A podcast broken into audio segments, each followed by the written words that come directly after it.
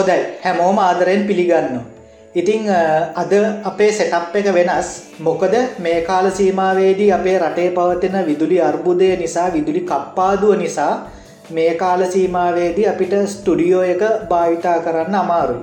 ඉතිං ඒ නිසා මංහිතුවා අද ගෙදරඉදලා වැඩසටාන අරගෙන එන්න. ඉතින් දැන් ඕගොල්ලු දන්නවා අපේ වැඩසටාන් මාලාවේ මේ පුරාවිද්‍යාව ලංකා ඉතිහාසය ලෝක ඉතිහාසය ගැන සිද්ධ කරන මාතෘකාවල තේමාව. තේමාව තමයි දන්න දෙයක නොදන්න දෙයක්. ඉතිං අද දන්න දේවිදියට මම අරගෙන එන්නේ පොළොන්නරුවේ ගල්විහාරයේ තියෙන හිටි බුද්ධ ප්‍රතිමාව.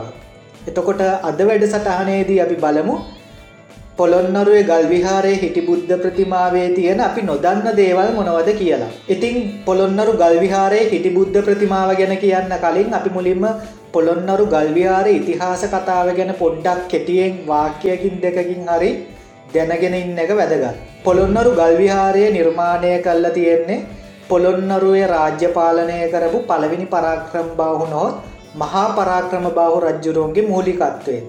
එතකොට පොළොන්නරු ගල්විහාරයට ගියොත් ඕගොල්ලොන්ට පිහිටි ගලින් කැටයම් කරපු නැත්නම් නෙලපු බුද්ධ ප්‍රතිමා වහන්සේලා හතරක් දැක ගන්න පුළුවන්. එතකොට ඔගොලොන්ට මතකේ තියෙන්නවා දැන් මේ ප්‍රතිමා හතර. එකක් තමයි විශාල ඉදිබුද්ධ ප්‍රතිමාව. අනිත් එක පුංචි ගුහාාවක අපි කියන විද්‍යාදර ගුහාාව කියලා. ඒ ගුහාවේ තියෙන කුඩා ඉදි බුද්ධ ප්‍රතිමාව. ඊළඟට හිටි බුද්ධ ප්‍රතිමාවක් තියෙනවා. ඊළඟට සැතපෙන බුද්ධ ප්‍රතිමාවක් තියෙනවා. මේ ප්‍රතිමා හතර තමයි අද වෙනකොට මේ පූජා භූමිය ඉතුරු වෙලා තියෙන්නේ.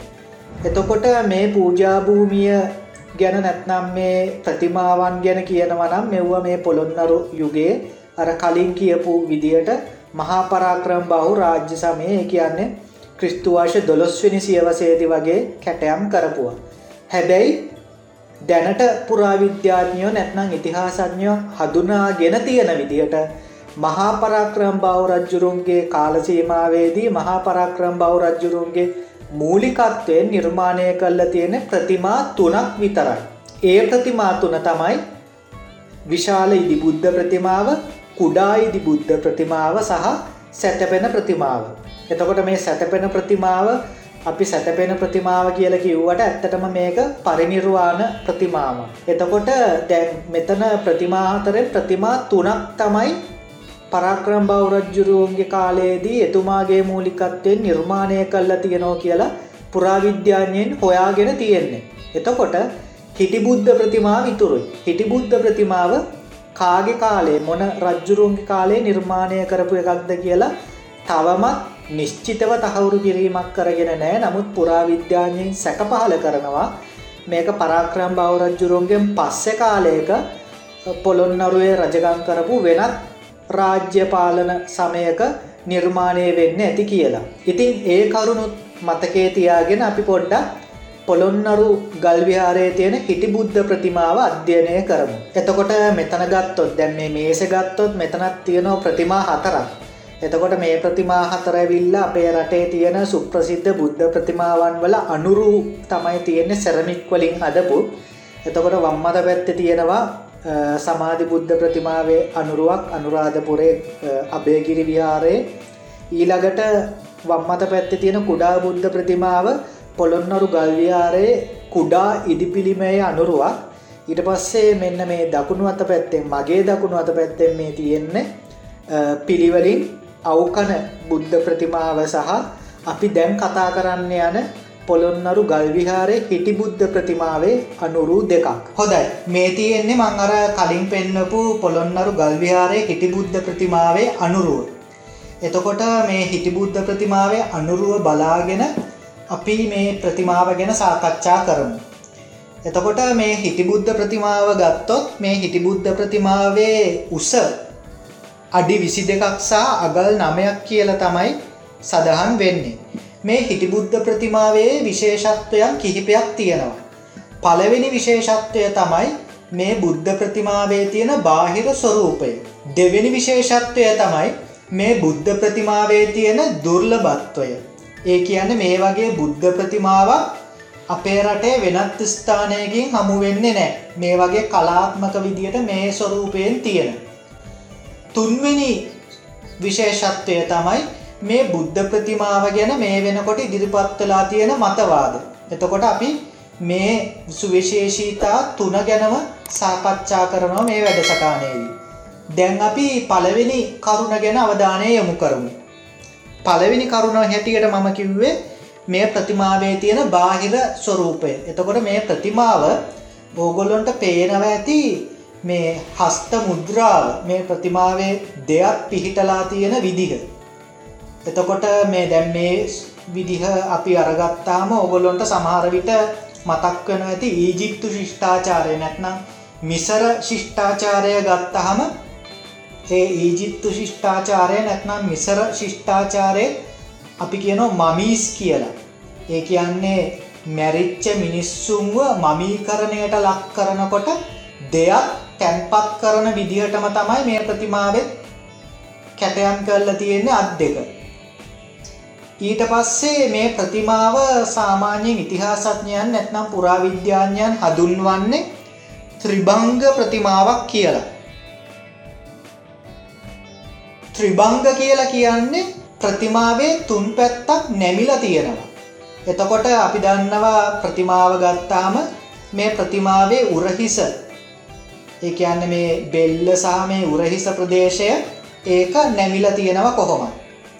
ඊළඟට මේ ප්‍රතිමාවේ මේ බුදුහාමුදුරුවන්ගේ නැත්නම් මේ ප්‍රතිමාවෙන් නිරූපණය වන පුද්ගලයාගේ ඉන කොටස නැමිලා තියෙනවා.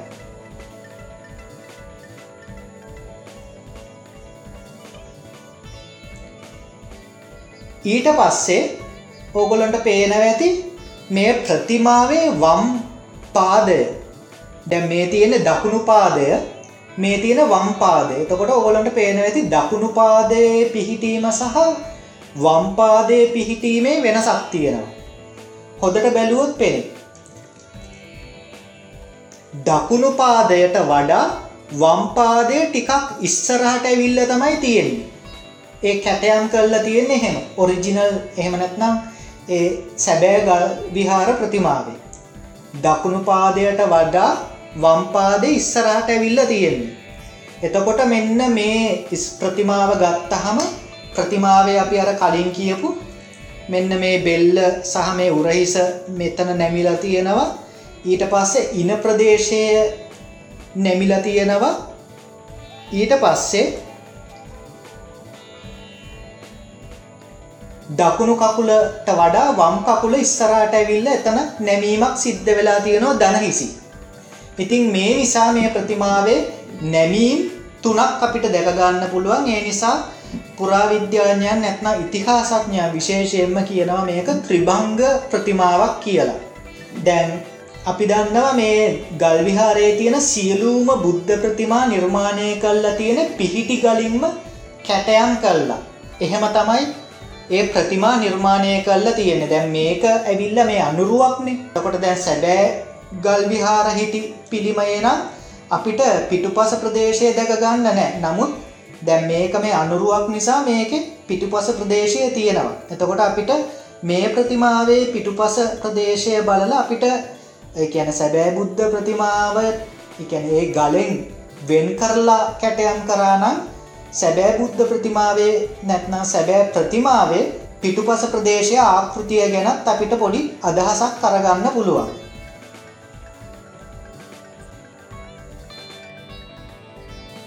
එවගේම මේ ප්‍රතිමාවේ දකුණු උරහිස අපිට පේනවා විවෘතයි. එතකොට දැන් මං අර කලින් කිව්වත් වගේ මේ ප්‍රතිමාව පරාක්‍රම බෞරජ්ජුරුවන්ගෙන් පස්සේ කාලයක නිර්මාණය කළා කියලා තමයි මතය තියෙන්නේ. එතකොට ඒ පූජාභූමියේ මේ පිළිමය නිර්මාණය කල්ලා තියෙන ප්‍රදේශය හිස්ව තිබිච්ච නිසා එතන මේ ප්‍රතිමාව නිර්මාණය කලා කියල තමයි ඉතිහාසත්ඥයන් මත පල කරන්නේ. දැන් අපි එමු මේ ප්‍රතිමාවේ තියෙන දුර්ලබත්වයට. දුර්ලබත්වය ගත්තොත් මං අර කල්ලින් කියපු විදියට මේ දෙයක් නිර්මාණය කල්ල තියෙන විදිහ. ඒ කියන්නේ අත් බැදගෙන තමයි මේ පපුුව හරහා බැදගෙන තමයි ඉන්නේ. එතකොට මේ වගේ ප්‍රතිමාවක් සාමාන්‍යයෙන් අපේ අනි ස්ථානයකින් අපිට දැකගන්න නැති තරම්. ඒ නිසා හරිම දුර්ලබයි. එතකොට දැන් මේ දැන් අපි දන්නවා බුදු හාමුදුරුවන්ගේ හස්තය නැත්නම් දෙයක් පිහිටලා තියෙන විදි අනුව එක එක පිළිමවලින් එක එක දේවල් තමයි සංකේතවත් වෙන්නේ.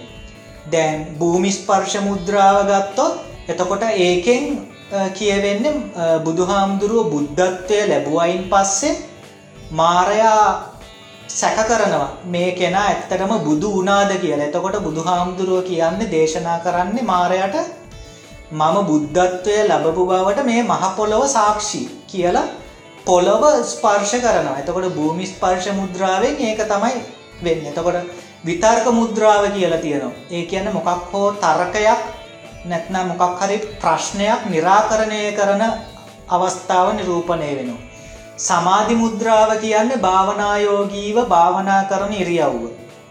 අභය මුද්‍රාව කියලා තියෙනවා අභය මුද්‍රාවෙන් කියවෙන්නේ බයවෙන්න එපා බිය නොවන්න කියන එක ඒ වගේ එක එක ඒක මුද්‍රා තියෙනවා. එතකොත් දැන් මේ පපුුවට මේ දෙයක් හිරකරගෙන ඉන්නවා මේ මුද්‍රාවෙන් මොකක්ද කියවෙන්න කියන එක ඉතිහාසඥයන්ට ප්‍රශ්නයක් ඒ නිසා ඉතිහාසඥයන් තමන්ගේ දැනුම සහ අධ්‍යයනයන් භාවිතා කල්ලා එක එක විදිහේ මත පල කල්ලා තියෙනවා මේ දෙයක්වලින් කියවෙන සංකේතවත් වෙන්න මොකක්ද කියන එක. එතකොට ගොඩක් කට්ටිය සමහරු කියනවා මේකෙන් සංවේගය පහල කිරීමක් සංකේතවත් වෙනවා කියලා. එතකොට සංවේගය පහල කිරීමක් කියන්නේ දුක්ක ස්වභාවය හැබැයි බුදු කෙනෙක් වේවා මහරහතන් වහන්සේ නමක් වේවා රහත් කෙනෙක් කියන්න සියලු කෙලෙසුම් නසපු කෙනෙක්. ඉතින් ඒ වගේ කෙනෙක්ට සතුටක් දුකක් ඇතිවෙන්නේ ඒ නිසා සමහරු සමහරිතිහාසඥයන් කියනෝ මේකෙන් දුක්මුසු ස්වභාවයක් නැත්නං දුක මෙනෙහි කිරීමක් ඉස්මතු වෙනවා කියලා. නමුත් සමහරක් ඉතිහාසඥයන් ඒ මතය බැහැර කරනවා. රහතන් වහන්සේ නමකට නැත්නම් බුදු කෙනෙක්ට දුකක් ඇති වෙන්න ඒ නිසා මේකෙන් කිය ඒන ඒ වගේ ස්වභාවයක් පිළිබිබු වෙන්නේ නෑ කියලා. එතකොට සමහරක් ඉතිහාසඥයන් කියනවා මෙහෙම පපුුවට දෙයක් මෙහෙම හිරකරගෙන මේ බොහොම උපේක්ෂා සහගතව බොහොම කාරූණික විදියට බලාගෙන ඉන්නවා ඒ නිසා මේකෙන් අනීමිස ලෝචන පූජාව පිළිබිබුවනෝ කියලා එතකොට අනීමිස ලෝචන පූජාව කියන්න බුදු හාමුදුරුව බුද්ධත්වය ලබල පලවෙනි සතියේදී උන්වහන්සේට පිටදීපු ඇසතු වෘක්ෂය දිහා බලාගෙන හිටගෙන ඒ දිහා බලාගෙන සතියක් ඇස්පිල්ලං ගහන්නතුව හිටියාය කියනවා ඒ බෝධි වෘක්ෂයට කෘතගුණ සලකන්න.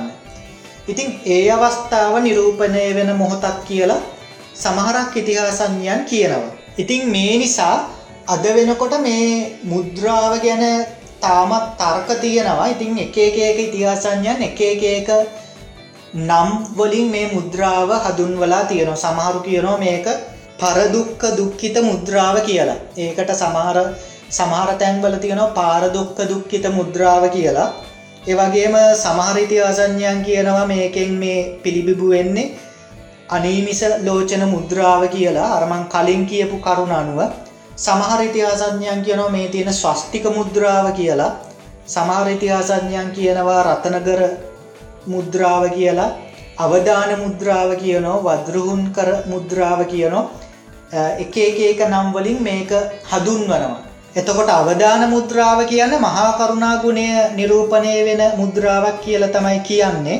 ඊට පස්සේ සමහරු කියනවා මේ බුදුහාමුදුරු අභිධර්මය මෙනෙහි කරන මොහොතක් කියලත් හැබැයි අද වෙනකොට ගොඩක් එකන පොත්පත්වල තියෙන නිසා ගොඩක් අය පිළිගන්නේ අර පරදුක්ක දුක්කිත මුද්‍රාව කියන එක තමයි පිළිගන්න. ඊළඟට මේ ප්‍රතිමාව කාගෙද කියන එක. එතකොට දැන් දැනට මත දෙකක් තමයි ඉදිරිපත්තලා තියෙන්නේ බොහෝ අය කියනවා මේක බුදුහාමුදුරුවන්ගේ ප්‍රතිමාවක් කියලා. ඒක තමයි අද වෙනකොට පිළිගත්තු සහ වඩාත්ම නිවැරදි මතය වෙන්නේ. හැබැයි තවත් සමහරු කියනවා මේ ප්‍රතිමාව ආනන්ද හාමුදුරුවන්ගේ ප්‍රතිමාවක් කියලා. දැන් ආනන්ද හාමුදුරුවන්ගේ ප්‍රතිමාවක් කියලා කියන්න හේතුව තමයි මේ ප්‍රතිමාව කැටයම් කරලා තියෙන්නේ පරිනිර්වාණ ප්‍රතිමාවේ හිස ලගින්. එතකොට බුද්ධ චරිතය කතාව තියෙන්නේ බුදු හාමුදුරුව පිරිනිවන් පානකොට බුදු හාමුදුරුවන්ගේ හිස ලග ඉදගෙන ආනන්ද හාමුදුරුව ඒ වෙනකොට රහත් වෙලා හිටියන ආනන්ද හාමුදුරුවෝ හඩා වැලපුනාය කියල තමයි තියෙන ඉතින් සමහර ඉතිහාසඥයන් කියනවා බුදුහාමුදුරුවන්ගේ දැන්නේ පොළොන්නරු ගල්වියාරයේ පරිනිර්වාණ ප්‍රතිමාවේ හිසලග තියෙන නිසා මේ ප්‍රතිමාවක් ආනන්ද හාමුදුරුවන්ගේ ප්‍රතිමාවක් වෙන්න පුළුවන් මොකද මේ ටිකක් දුක ස්වභාවයකින් තමයි මේක කැටයම් කරලා තියෙන්නේ කියලා. හැබැයි ඒකට ප්‍රතිවිරුද්ධ මතයක් තව ඉතිහාසඥයන් පිරිසක් ප්‍රකාශ කරනව ඒ තමයි මේ බුදුහාමුදුරුවන්ගේ ප්‍රතිමාවක් කියලා. ඒ බුදුහාමුදුරුවන්ගේ ප්‍රතිමාවක් කියන්නේ ඒගොල්ලොන්ට සාධක කිහිපයක් තියෙනවා පළවෙනියක තමයි පොළොන්නරු ගල්විහාරය ගත්තාම ගල්විහාරේ තව ප්‍රතිමා තුනක් තියෙනවා මේ ප්‍රතිමා තුන බුද්ධ ප්‍රතිමා. එහෙනම් මේක කැටයන් කරපු අයට මේ බුද්ධ ප්‍රතිමා තුනට අමතරව තව වෙන හිමිනමකගේ ප්‍රතිමාවක් කැටයන් කරන්න හේතුවක් නෑ. ඉතුරු තුන බුද්ධ ප්‍රතිමා කියන්න මෙන්න මේ ප්‍රතිමාවක් අනිවාරයෙන් බුද්ධ ප්‍රතිමාවක් විය යුතුයි. ඊටත් වඩා ඒ ඉතිහාසඥයන් මතු කරන සාධකය තමයි මේ ප්‍රතිමාව ගත්තොත් මේ ප්‍රතිමාවේ බුදු කෙනෙක්ගේ ලක්ෂණ තියෙනවාය කියන එක. එතකොට අපේ දැන් ලංකාවේ ප්‍රතිමා නෙලීමේ කලාව ගත්තාම එහෙම ආවට ගියාට ප්‍රතිමා නෙලන්නේ නෑ. ඒ ප්‍රතිමා නෙලනවනන් ඒවට සමහරක් එකන්නේ සංස්කෘතික දේවල් නැත්නම් සමහර නීතිරීති තියෙනවා. එතකොට අපේ සාමාන්‍යයෙන් නීතියක් තියෙනවා නෙලුම් මලක් උඩ පිළිමයක් කැටයන් කරනවනං අනිවාරයෙන් ඒ පිළිමය බුදු පිළිමයක් වෙන්න ඕන හෙමනැත්නම් බෝධිසත්ව පිළිමයක් වෙන්න ඕන කියලා. එතකොට දැන් මේ ප්‍රතිමාවේ මේ පාද පිහිටලා තියෙන ස්ථානය ගත්තොත් මේ පාද පිහිටලා තියෙන්නේ නෙලුම් මලක් උඩින් එකන් නෙලුම් මලක් කැටයන් කරලා තියෙන ඒ නෙලුම් මලට උඩින් තමයි පාද තියෙන්නේ. එතකොට දැන් අපේ ප්‍රතිමා නෙලීමේ කලාවේ නීතිරීති ගත්තාම මං අර කලින් කියපු එක සාධකයක් මෙතන තියෙනවා.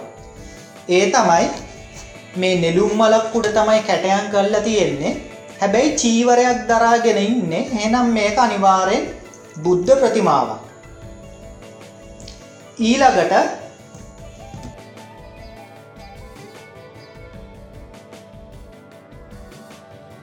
මේ ප්‍රතිමාවේ කෙස් ගත්තහම ඕගොල්ලොන්ට පැහැදිලිව දැකගන්න පුළුවන් මේ ප්‍රතිමාවේ කෙස් බොහොම සූක්ෂම විදියට කැටයන් කල්ලා තියෙනවා එතකොට මේ කෙස් වල බොකුටු ස්වභාවයක් තියෙනවා. එතකොට දැන් බුදු හාමුදුරුවෝ ගත්තාම අපි දන්නව දෙතිස් මහා පුරුෂ ලක්ෂණ කියලා තියෙනවා. ඒ කියන්නේ මහා පුරුෂයෙක් නැත්නම් බොහොම වාසනාවන්ත වූ බලසම්පන්න වූ ලෝකයේ දුර්ලභව පහළ වෙන මිනිස්සු ගත්තහම ඒ හැමෝටම එකන ඒගොල්ලොන්ගේ ශරීරවල ලක්ෂණ තියෙනවා. එතකොට ඒ ලක්ෂණ තිස් දෙකක් තියෙනවා සම්පූර්ණ වශ්‍යයෙන් ලක්ෂණ තිස් දෙකෙන් තිස් දෙකම පිහිටන්න බුදුවරෙක්ට විතරයි කියල තමයි පිළිගැනීම තියෙන්නේ. එතකොට දෙතිස් මහා පුරුෂ ලක්ෂණ වලින් එකක් තමයි මේ හිසකෙස් ඕගොලොන්ට පේන ඇති මේ හිසකෙස් එකන බොකුටු විදියට තමයි කැටයන් කරලා තියෙන්නේ. වගේම මේ හිසකෙස් ඕගොලොන්ට පේන කැරකිලා තියෙනවා. ඒ කැරකිලා තියෙන විදිහ ගත්තොත් ඒ කැරකිලා තියෙන්නේ දක්ෂිනාවර්තව. එතකොට දක්ෂිනාවර්තව බොකුටු වෙච්ච හිසකෙස් සහිතව නෙලල තියෙන නිසා මේක බුද්ධ ප්‍රතිමාවක් කියන්න ඒ ඒ සාධකය ගොඩක් දුරට ඉවහල් වෙනවා. ඊළඟට මේ කන්පෙති ගත්තහම ඕගොලොන්ට පේනව ඇති කන්පෙති ඇලිලා තියෙන්නේ වගේම මේ උරහිස දක්වා දිගයි. එතකොට ඒකත් මහාපුරුෂ ලක්ෂණය. ඊළඟට උන්වහන්සේගේ නැත්නම් මේ ප්‍රතිමාවේ බලන්න මේ පහළ කොටස පාද මේ කකුල නැත්නම් පාදය ඇගිලි ගත්තම මේ ඇගිලි ඔක්කොම එක සමානයි. එතකොට අත්වල සහ පාදවල ඇගිලි එක සමානවීමත් මහාපුරුෂ ලක්ෂණයක් විදියට සැලකෙනවා. එතකොට ඒ වගේ මහාපුරුෂ ලක්ෂණ කිහිපයක් මේ ප්‍රතිමාවේ දැකගන්න පුළුවන් ඒ නිසා මේක ආනන්ද හාමුදුරුවන්ගේ ප්‍රතිමාවක් නෙමේ බුද්ධ ප්‍රතිමාවක් කියන එක දැන් තහවුරු වෙලා තියෙනවා.